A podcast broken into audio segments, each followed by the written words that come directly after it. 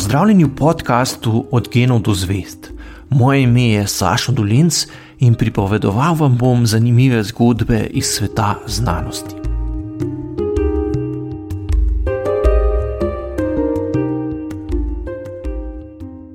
Immanuel Kant je leta 1795 v eseju na poti k večnemu miru predstavil svoj razmislek o tem, kakšna bi morala biti državna in mednarodna ureditev, da ne bi več prihajalo do vojaških spopadov. Pomembno jamstvo, ki bi lahko preprečevalo nove vojne, je videl v ustavni ureditvi, po kateri za začetek novega vojaškega spopada ne bi bila dovolj volja vladarja, ampak bi moralo vodstvo države pridobiti tudi soglasje državljanov. Takole je zapisal. Če je soglasje državljanov potrebno za sklep, ali naj bo vojna ali ne, ni nič bolj naravnega od tega, da bodo, ker bi morali sklepati o svojih lastnih vojnih stiskah, dobro premislili, preden bodo začeli tako hudo igro.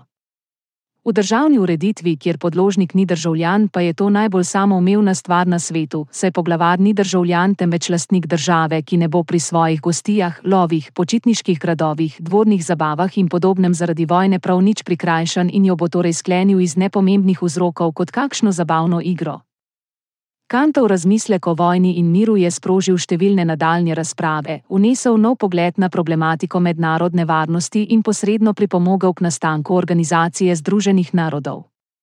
Žal pa v duhu navdušenja nad razsvetljenstvom ni dovolj upošteval dejstva, da državljani ne delujemo nujno kot razumna bitja, tudi ko nas pri odločanju nič ne ovira kot se lahko vedno znova prepričamo na mnogih primerih, marsikdo ob ustrezni propagandi zlahka ponotranji zgodbe in pojasnila, katerih namen je predvsem vzbujanje konfliktov. Zelo pomemben dodatni pogoj, ki ga mora demokratična država izpolnjevati, da je večinsko javno mnenje ne potisne v nesmiselno vojno, je zato tudi odprt, svoboden in od vladajoče sfere neodvisen javni medijski prostor, za katerega praviloma skrbijo kakovostni mediji z dobrimi novinarji in intelektualci ki se upajo javno oglašati ter izrekati o pomembnih družbenih vprašanjih.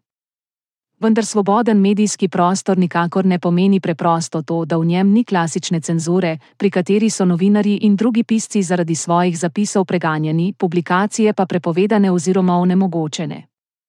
Za zdrav in dobro delujoč prostor javne besede je pomembno tudi, da so v medijih spoštovani resnica, argumenti in dokazi. V svobodnem medijskem okolju seveda mora veljati svoboda govora, vendar to nikakor ne pomeni, da je mogoče izrekati laži in ponavljati dezinformacije. Takšno početje onemogoča konstruktivno javno razpravo, podobno kot to počne klasična cenzura. Med epidemijo COVID-19 in zdaj med poročanjem o vojni v Ukrajini lahko opazimo, da je cenzura prevzela drugačen mehanizem delovanja, kot ga je imela nekoč. Cenzura danes pogosto ne poteka več prek omejevanja dostopa do informacij, ampak nasprotno, prek bruhanja množice slabih, neresničnih in navideznih podatkov.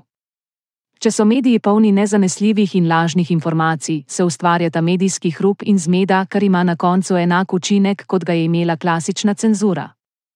Sodobna cenzura se tako ne zauzema več za omejevanje dostopa do informacij, ampak nasprotno spodbuja objavo člankov, v katerih so zapisane neumnosti, laži in zavajanja. V javnosti se tako ustvarja občutek, da je v medijih vse zmanipulirano, da so vsa mnenja enakovredna in da se je nesmiselno spraševati, kdo govori resnico in kdo ne. Cilj sodobne medijske cenzure je tako dosežen, ko ljudje ne znajo več razločevati, kaj je res in kaj ni, oziroma ko se poruši zaupanje v avtoritete, ki v resnici nekaj znajo. Dodatni problem je, da objavljanje prav vsega, za kar se zdi, da bo morda povečalo branost medija, tudi če gre za očitne dezinformacije in laži, na prvi pogled sploh ni videti kot cenzura.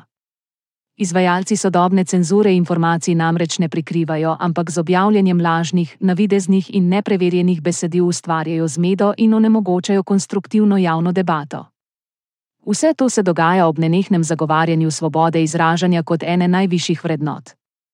Upam, da se bomo tudi pri nas začeli zavedati resnosti in nevarnosti sodobne medijske cenzure. Nova oblika cenzure, pri kateri uredniki ne verjamejo več v resnico, lahko z onesnaževanjem medijskega prostora enako učinkovito vzpodbuja konflikte in povzroča škodo družbi, kot je to počela klasična cenzura ter z njo povezano prikrivanje resnice ter širjenje propagande. V reviji Scientific American so že daljnega leta 1853 objavili sestavek z naslovom Resnica v novinarstvu, ki je tudi po skoraj 170 letih še vedno zelo aktualen. Takole je zapisal avtor komentarja. Vpliv časopisnega tiska je danes res zelo velik, bodi si v dobrem, bodi si v zlu. Širjenje napačnih izjav in zmotnih mnen pod vplivom in z orodjem tiska ne more biti drugačno kot plodno za zlo. Najbolj nesmiselni in nevarni pogledi na katero koli temo bodo našli vernike. Ni mogoče določiti meje naivnosti človeka ali zla, ki ga je mogoče pričakovati zaradi širjenja laži in zmot. Vsak urednik mora biti zato izredno previden pri tem, kar objavi, kaj ti zlo, ki ga delajo ljudje, zlasti zaradi vpliva tiska, ni omejeno le na naš dan in našo generacijo.